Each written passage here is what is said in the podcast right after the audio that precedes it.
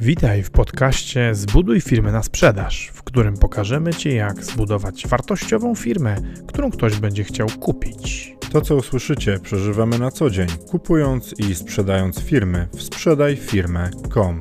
Zapraszamy, Paweł Korycki, Maciej Stępa.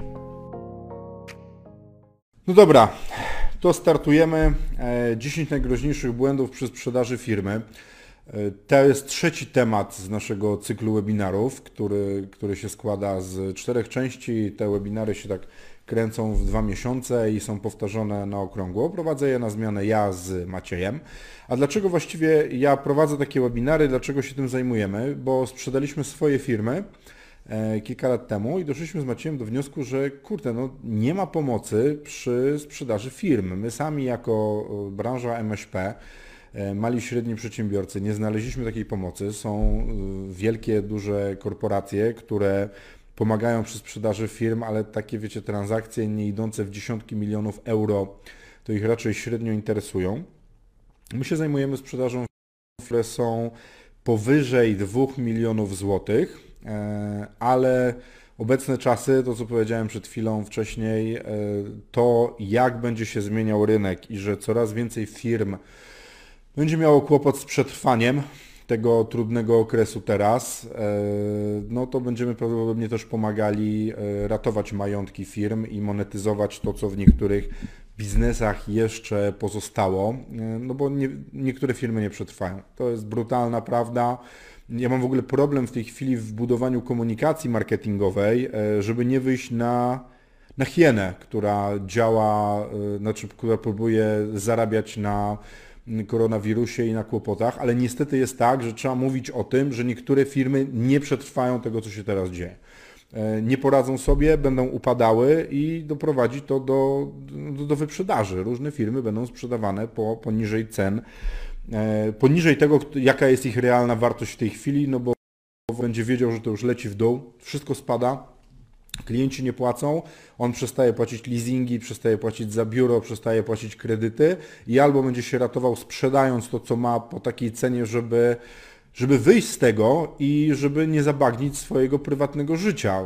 Część z Was na pewno miała takie przygody w swojej, w swojej rzeczywistości że e, prowadzili biznes, a potem ten biznes ich całe życie prywatne pociągnął w dół e, i, i teraz albo ogłosili upadłość konsumencką, wy ogłosiliście upadłość konsumencką, albo macie spółki porejestrowane na rodzinie, jesteście prezesami i za, jesteście zawodowymi przedsiębiorcami nieposiadającymi nic, więc no, tak też się dzieje, tak wygląda rzeczywistość przedsiębiorców, taka, wiecie, klasyczna sinusoida, dobrze, źle, dobrze, źle i gorzej jak to źle, jest już tak źle, że się wszystko rozsypie. E, więc będą, będą sprzedaże firm, będą wyprzedaże firm, a ja dzisiaj powiem o tych 10 największych błędach, jakie można popełnić w ogóle sprzedając, sprzedając swoją firmę. My sprzedawaliśmy nasze firmy, e, sprzedawaliśmy je bez więc popełniliśmy dużo tych różnych błędów, więc ja mówię w większości wypadków na swoim doświadczeniu, ale też tych klientów, których my obsługujemy, którzy przyszli do nas w różnym stanie tej sprzedaży. Często sprzedaży, która E, która już jest sprzedażą ratunkową, e, albo sprzedaży, gdzie ktoś się zajmował tym sprzedawaniem ich biznesu, nie pomógł im w tym procesie i ta sprzedaż się rozsypała. Rozwaliła się i oni przychodzą do nas, mówią, że kurde, słuchaj Paweł, Macie, z Pawle, Macieju, e, no, potrzebujemy pomocy, bo ten poprzedni, który tym się zajmował, no, no, no, trochę narobił kłopotów. Niestety są to zazwyczaj prawnicy, prawnicy, którzy myśleli, że pomogą sprzedać firmę, E, zabrali się za coś, czego nigdy nie robili i potem, no, no, potem wyszło, chcieli dobrze, a wyszło jak zwykle. Więc dzisiaj, przepraszam, 10 najgroźniejszych błędów przy sprzedaży firmy. Nie mogę Wam pokazać prezentacji, więc będę sobie tutaj e, patrzył na to, co, o czym mam mówić tu i będę Wam e, mówił o tych punktach. Więc pierwszym punktem jest ustalenie ceny nie mającej pokrycia w wartości. E, my patrząc na nasz biznes, E, przyglądając się naszej firmie, w której pracowaliśmy od lat, w którą włożyliśmy całą masę energii, naszego czasu, czasu rodziny, zaniedbań na tej rodzinie, e, wyceniamy ją nierynkowo zazwyczaj. Niestety jest tak, że przyglądamy się naszemu biznesowi i myślimy, sobie, myślimy o nim mm, jakby to było nasze dziecko. To jest taka powtarzająca się jak mantra, powtarzające się jak mantra stwierdzenie, moja firma moim dzieckiem, w związku z czym ludzie patrzą na tą firmę jak na dziecko, to jest bardzo błędne patrzenie. Też tak myślałem. Jak Maciej przyszedł do nas, do mnie, to był chyba 2016 rok i mówi, Paweł, kurde, nasza firma urosła, mamy tam chyba z 300 albo 400 klientów księgowych, idzie wszystko dobrze, słuchaj, sprzedajmy biznes, a ja mu na to, kurwa, człowieku, jakie sprzedajmy biznes? Przecież kury znoszącej, jaj, znoszącej złote jajka się nie sprzedaje. Dwa, dni później, dwa, dwa lata później chcieliśmy, żeby ktoś to kupił, bo nam po prostu nie poszło. Trzeba było to sprzedać w 2016 i mi to wydarzenie bardzo zmieniło myślenie o tym, czym jest firma. Nie, nie jest dzieckiem. Firmę najlepiej sprzedać, kiedy ona jest w tym najwyższym momencie, e, a nie tak jak będzie teraz, że będziemy sprzedawać takie no, ratunkowo różne biznesy.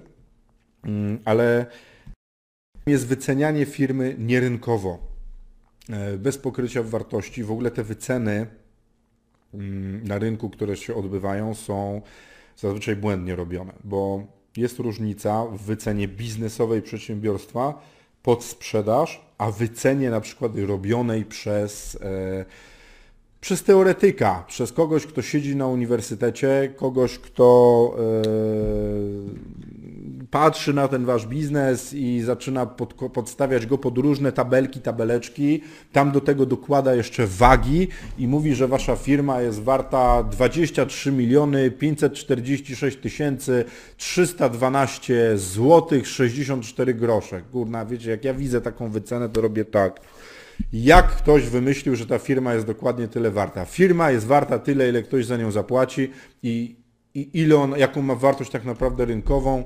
E, to zazwyczaj jest liczone e, na podstawie e, EBITDA przez pewien mnożnik, one są pewne rzeczy, ale to nie są te metody akademickie, które zazwyczaj dostajecie w tych takich grubych wycenach. My jak robimy memorandum, to patrzymy na tą firmę jak na coś generującego pieniądze, i za co ktoś inny będzie chciał zapłacić, a nikt nie zapłaci za to, że wy tam długo pracowaliście, albo że ktoś, e, kto robi te wyceny, e, podstawia ją pod jakąś jedną z 53 metod teoretycznego liczenia wartości firmy. Więc pierwszą rzeczą, pierwszym błędem to jest w ogóle mm, takie ustalanie ceny nie mającej wartości w pokryciu, bo jak powiecie za dużo, przy sprzedaży to ktoś stwierdzi, że nie wiecie, co macie w środku i jesteście nieprofesjonalni, a jak powiecie z kolei za mało, e, to ktoś może dojść do wniosku, że coś jest nie tak.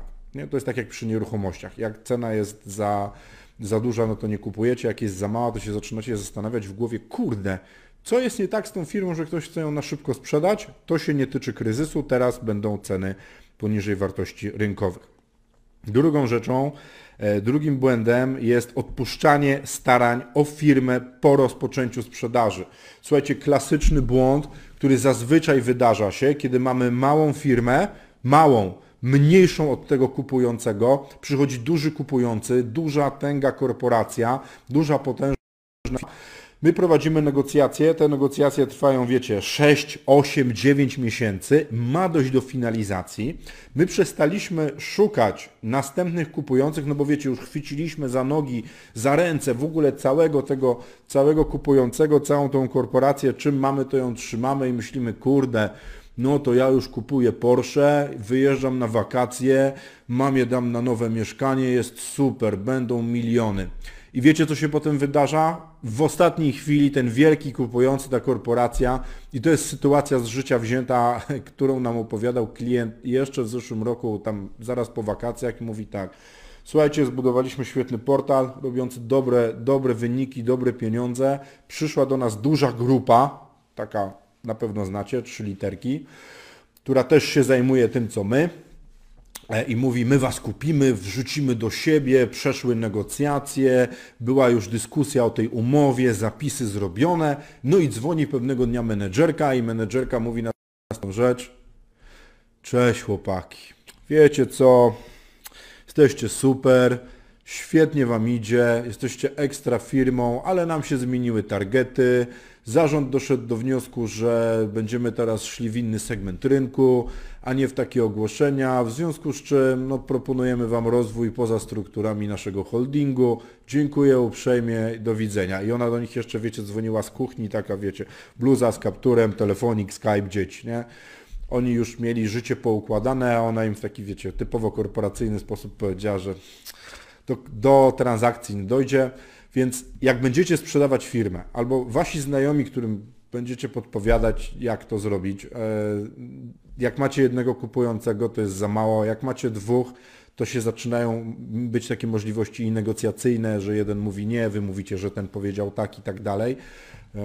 To jest coraz lepiej, ale najlepiej mieć trzech, czterech potencjalnych kupujących, z którymi, którymi możecie rozmawiać. E, to jest tak jak w życiu. Słuchajcie, jak skaczecie ze spadochronem, to macie dwa, jeden spadochron, drugi zapasowy, żeby móc w razie czego wyjąć ten zapas, jakby ten główny się nie otworzył. Dlatego jak sprzedajecie firmę, to do samego końca szukacie jeszcze innych kupujących. Dlaczego? Bo transakcja, wiecie kiedy jest zamknięta? Jak pieniążki są na waszym koncie. Nie jak ktoś wam podpisze umowę, jak jesteście już po przyklepaniu takim po pleckach, że fajnie sprzedajemy, tylko jak kasa jest u Was na koncie, wtedy jest firma sprzedana i wtedy możecie powiedzieć sfinalizowaliśmy, jest ok. A do, te, do momentu, w którym nie ma kasy na koncie, cały czas Wy lub Wasz broker, który Wam pomaga, e, poszukujecie następnych kupujących.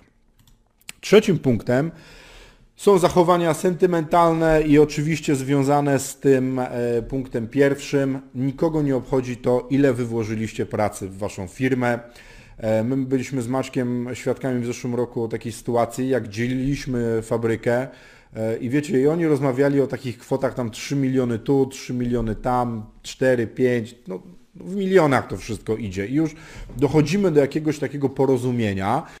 W końcu jeden z tych panów wyciąga, słuchajcie, kartkę, patrzy na tego drugiego i mówi tak, a ta sztaplarka, którą w 97 przywieźliśmy z Niemiec, to co z nią teraz? Wiecie, ja zbladłem, Maciej zbladł, ten prawnik z drugiej strony zbladł i spadł prawie pod krzesła, to kawał chłopa, więc to wyglądało ciekawie i tak sobie myślimy, wiecie, tu trzy bańki, tu trzy bańki, a on wychodzi ze sztaplarką, przepraszam, wózkiem widłowym, to się nazywa profesjonalnie, który jest wart 4000 złotych nie? I wiecie, negocjacja. I on z, tym, z tą sztaplarką wyjeżdża. A wiecie czemu on mówi o tej sztaplarce? Bo oni ją przywieźli z Niemiec, bo w Polsce nic nie było, więc załatwili lawetę, pojechali tam do tego Rajchu, załadowali ją na samochód, przywlekli tutaj, przeżyli tą całą tą i dla niego to jest wartość. Wiecie, gdzie żona gdzieś tam po placu jeździ. I te zachowania sentymentalne w różny sposób się objawiają.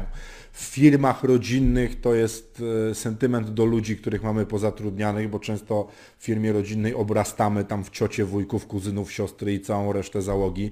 Mamy sentymentalne w ogóle do pracowników, a przed sprzedażą firmy trzeba będzie porobić e, porządki i ten sentyment będzie bardzo niewskazany. I w ogóle do, do przeróżnych rzeczy. Nie ma sentymentu. Ludzie firmy kupujące inne firmy, inne przedsiębiorstwa nie patrzą na wasz biznes z punktu takiego waszego sentymentu, tego ile wyście tam się napracowali, tylko ile to jest teraz warte.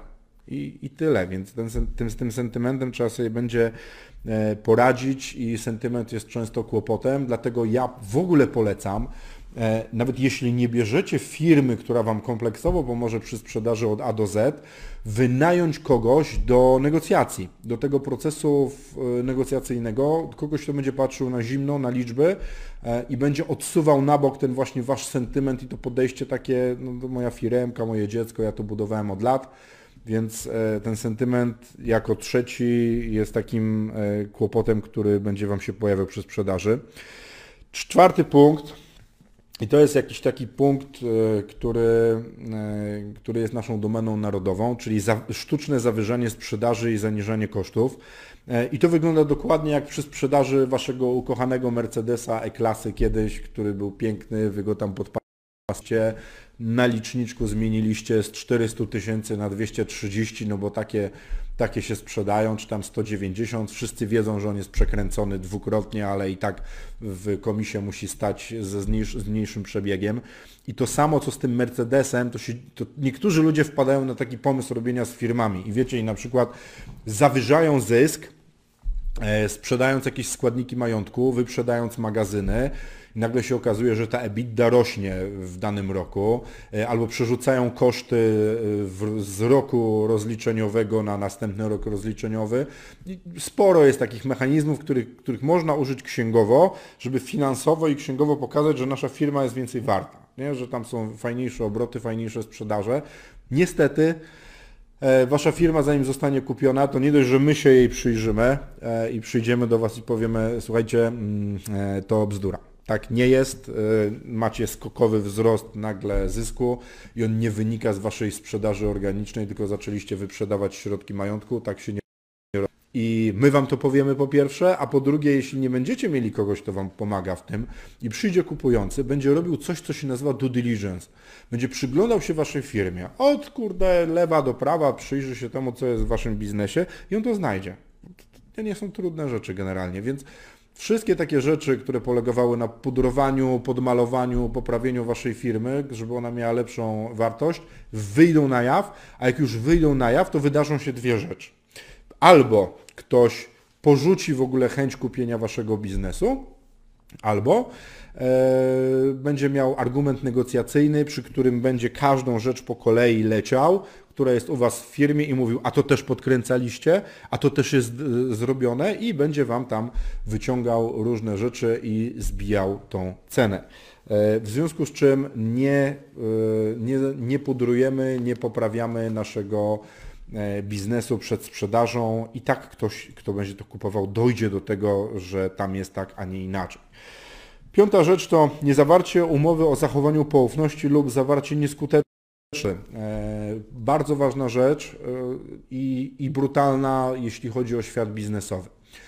Są firmy, które składają się z ludzi, z pomysłów, z klientów albo z innych mało trwałych e, elementów. Robią bardzo dobre pieniądze, robią dużo, dużo kasy, ale nie mają fabryki, nie mają magazynów, nie mają fizycznej sprzedaży i długoterminowych kontraktów na wyłączność, tylko są takie bardziej, e, bardziej kruche, jeśli chodzi o, o swoje istnienie.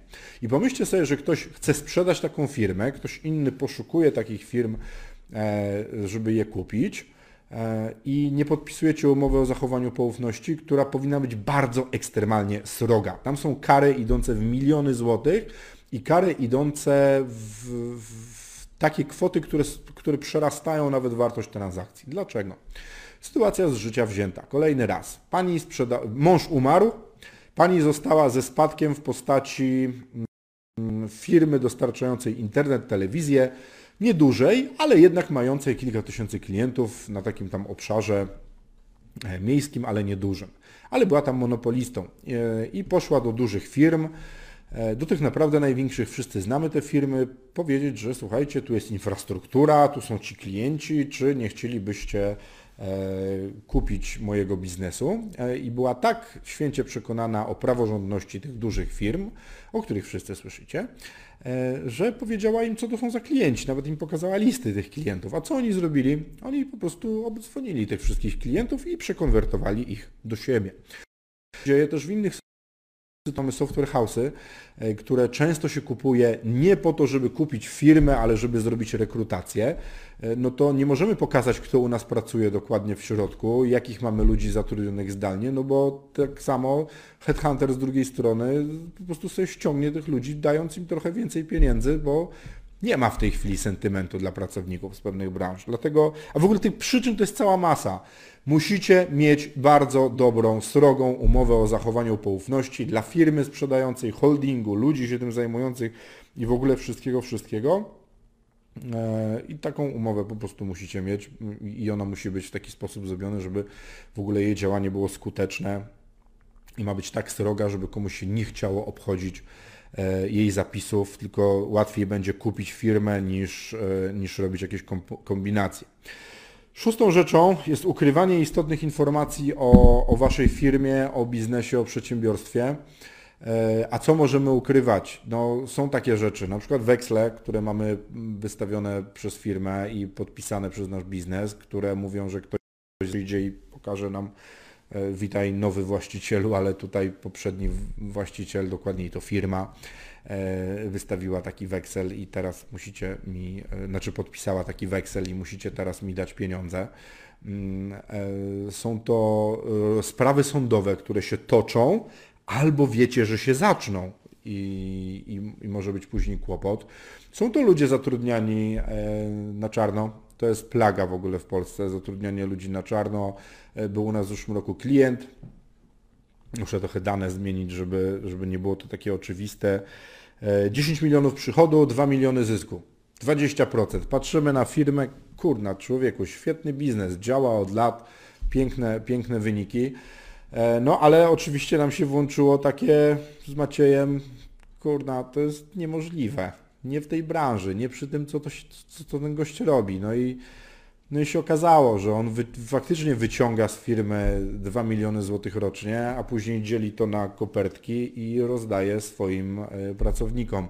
I potem jak wyszło, że ile on tych pieniędzy rozdaje i co by to wszystko normalnie ozusował i opodatkował i w ogóle, to ta firma nie miała zysku.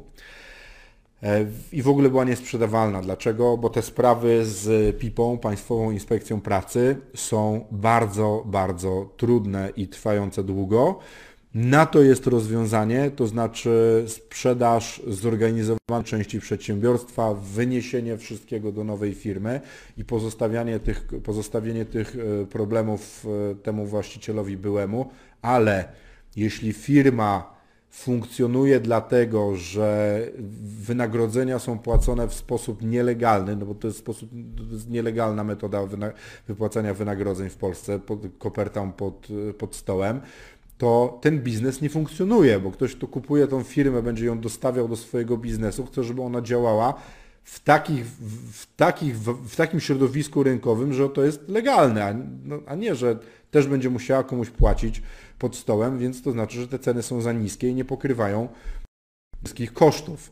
I to, ten biznes trzeba będzie najpierw albo zmienić przed sprzedażą, albo jest on po prostu niesprzedawalny, bo nie ukrywajmy, są biznesy, których się nie da sprzedać. Są. Są takie firmy yy, i są biznesy, w których właściciel to firma i co, właściciela nie kupimy.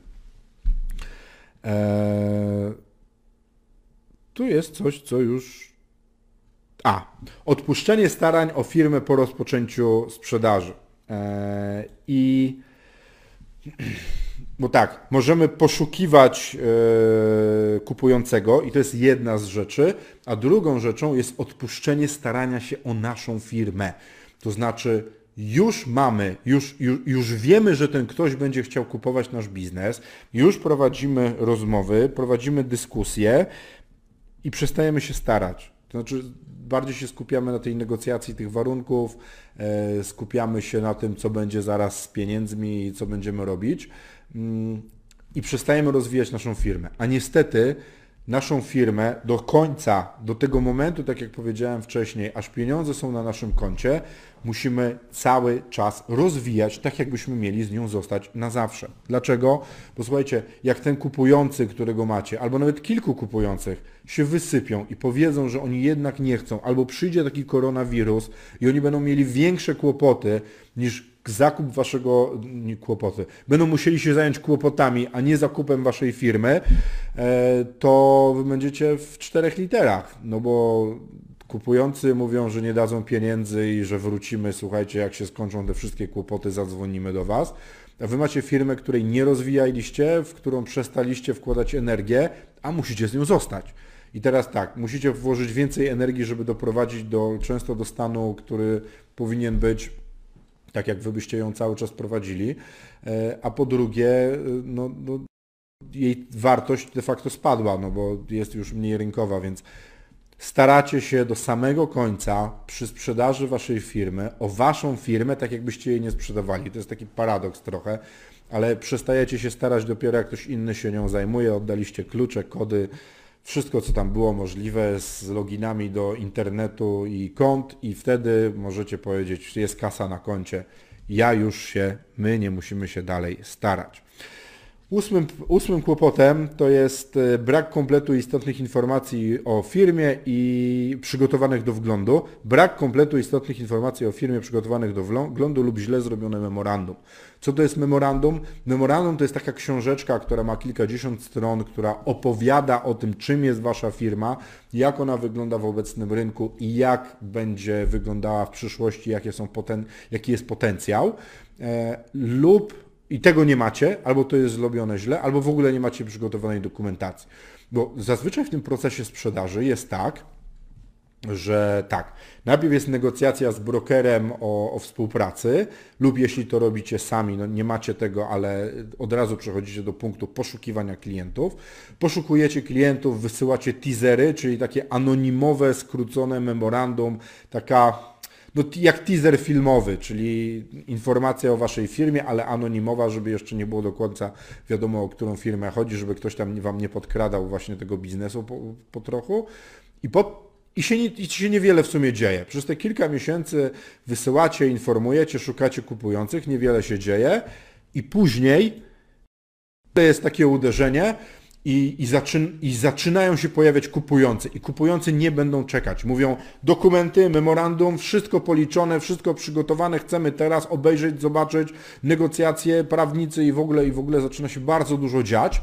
E, to musicie mieć przygotowane zanim rozpocznie się proces sprzedaży, bo jak firmy niektóre, na przykład szczególnie branżowi, dochodzą do wniosku, że robią ekspansję, zwiększają swój rynek, albo finansowi, że potrzebują do portfela firmę podobną do waszej, e, to rozpuszczają wici, szuka, wyrzucają z kolei swoich poszukujących e, firmy na łowy i mówią, e, jesteśmy Tobą zainteresowani, masz dokumentację, Mam. No to rozpoczynamy dalej proces kupowania Waszej firmy, a jak nie masz, to często jest tak, nara, my idziemy dalej. Więc jak będziecie przystępowali do procesu sprzedaży własnej firmy i poszukiwania e, poszukiwania kupujących, to miejcie przygotowane już te wszystkie dokumenty, które są potrzebne do sprzedaży i poukładane pewne rzeczy w księgowości. Wiem, sam prowadziłem firmę, kilkudziesięcioosobowe firmy, gdzie dokumentacja to była cała ściana segregatorów z różnymi rzeczami. E, niestety sprzedaż firmy to jest taki moment, kiedy do tych segregatorów trzeba wrócić i z takim strachem zacząć oglądać, co tam jest i, i w ogóle czy te rzeczy, czy te rzeczy e, są kompletne i, i co tam jest w środku. E, dziewiątą rzeczą to jest wynajęcie brokera, któremu nie zależy na sprzedaży. I tutaj będę mówił negatywnie o, o, o ludziach, którzy pracują razem ze mną z branży. E, bo branża w Polsce jest malutka, bardzo malutka. Jest branża sprzedaży firm jest 10 razy mniejsza niż e, w USA w stosunku do wielkości rynku. Nie, nie tak, że tam wiadomo, tam jest 300 milionów ludzi, jest dużo więcej firm, więc ta branża siłą rzeczy jest większa, ale w proporcji do tego, ile tam jest firm, ile w Polsce jest firm, takich prawdziwych firm, a nie samozatrudnienia, działalności gospodarczych wystawiających jedną fakturę, E, to branża jest dużo mniejsza i branża dzieli się tak naprawdę na, na, na, trzy segmenty. Słuchajcie, są to duże korporacje, wielka czwórka robiące w, w transakcje w dziesiątkach, setkach milionów euro, głównie, bo są tym najbardziej zainteresowani. E, prawnicy, którzy zajmują się wszystkim, wszystkim, wszystkim dookoła. E, i, i, jeszcze przychodzi do nich klient, mówi, że sprzeda firmę, no to oni mówią, no to my to zrobimy oczywiście dla Ciebie, a nie bardzo mają w tym doświadczenie.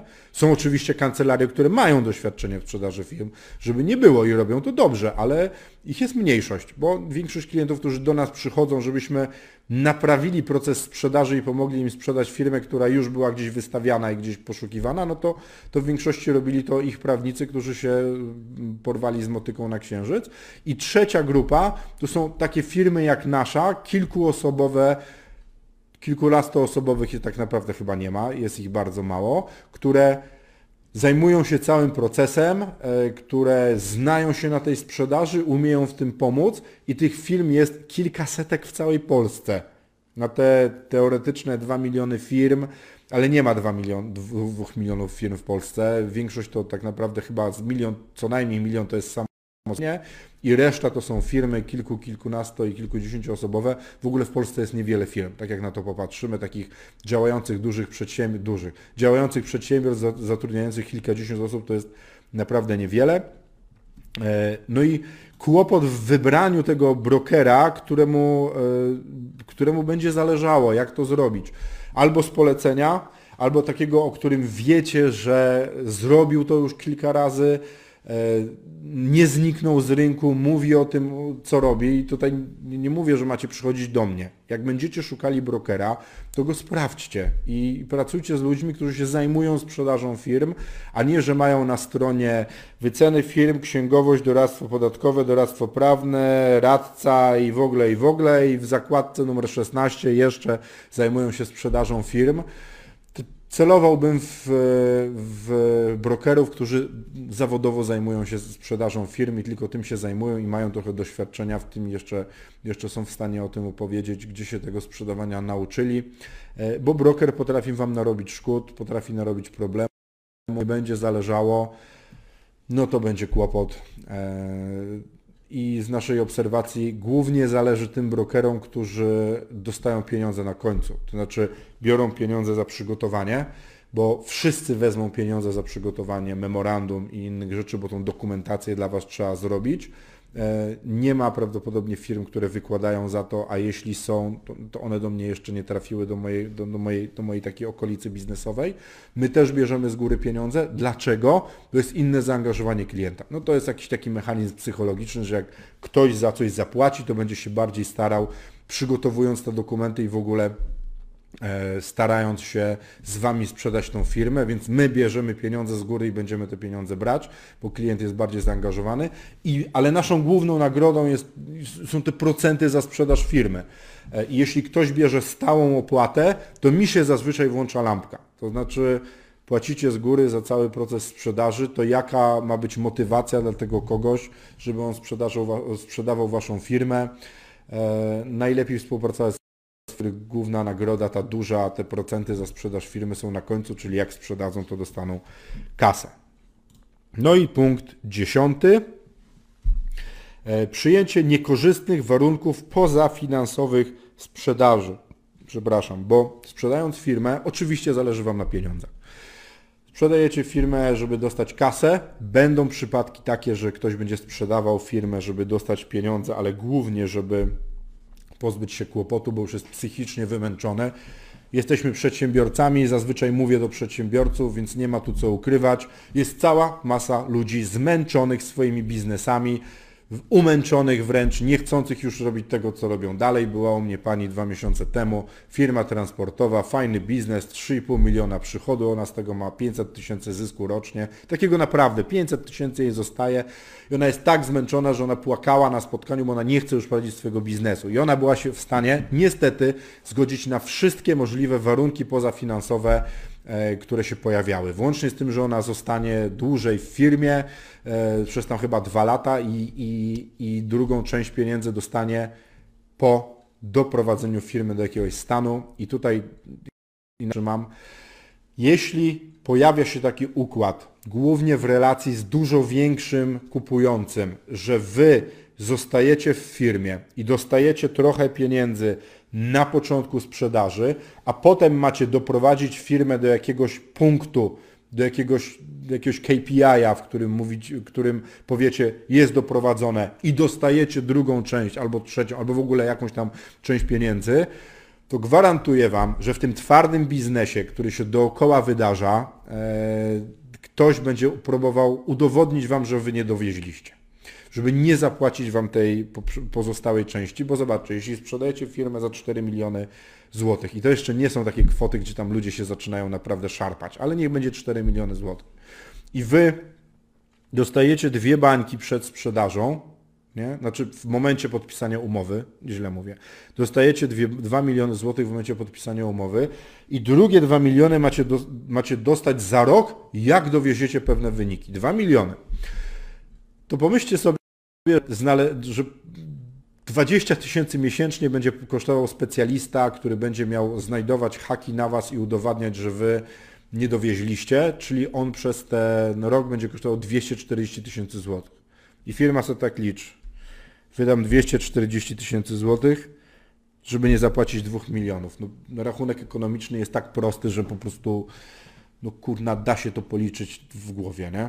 E, I będą próbowali to zrobić. Wiele firm będzie próbowało to zrobić, i, a nie wiecie, które to będą firmy, więc my staramy się z naszymi klientami zrobić wszystko, żeby pieniądze były z góry, żeby nie było tego układu jeszcze takiego menedżerskiego, że ktoś tam zostaje, musi dowozić pewne rzeczy i tak dalej. Jeśli zostaje i będzie dowozić, to ma być taki układ, że i tak te pieniądze dostanie, nie? Bo no, to są pieniądze i to są duże pieniądze i wbrew temu takiemu łagodzeniu teraz wszystkiemu, nie? Tu wszystkiego turkusowe organizacje, wszyscy są fajni, miłość w biznesie, relacje i tak dalej. Jak zaczynamy mówić o milionach i dziesiątkach milionów złotych, to sentyment i wszystkie takie zachowania to generalnie idą w pizdu i zaczyna się pojawiać twarz, z którym tylko się liczy, a nie, a nie, nie patrzy sentymentem.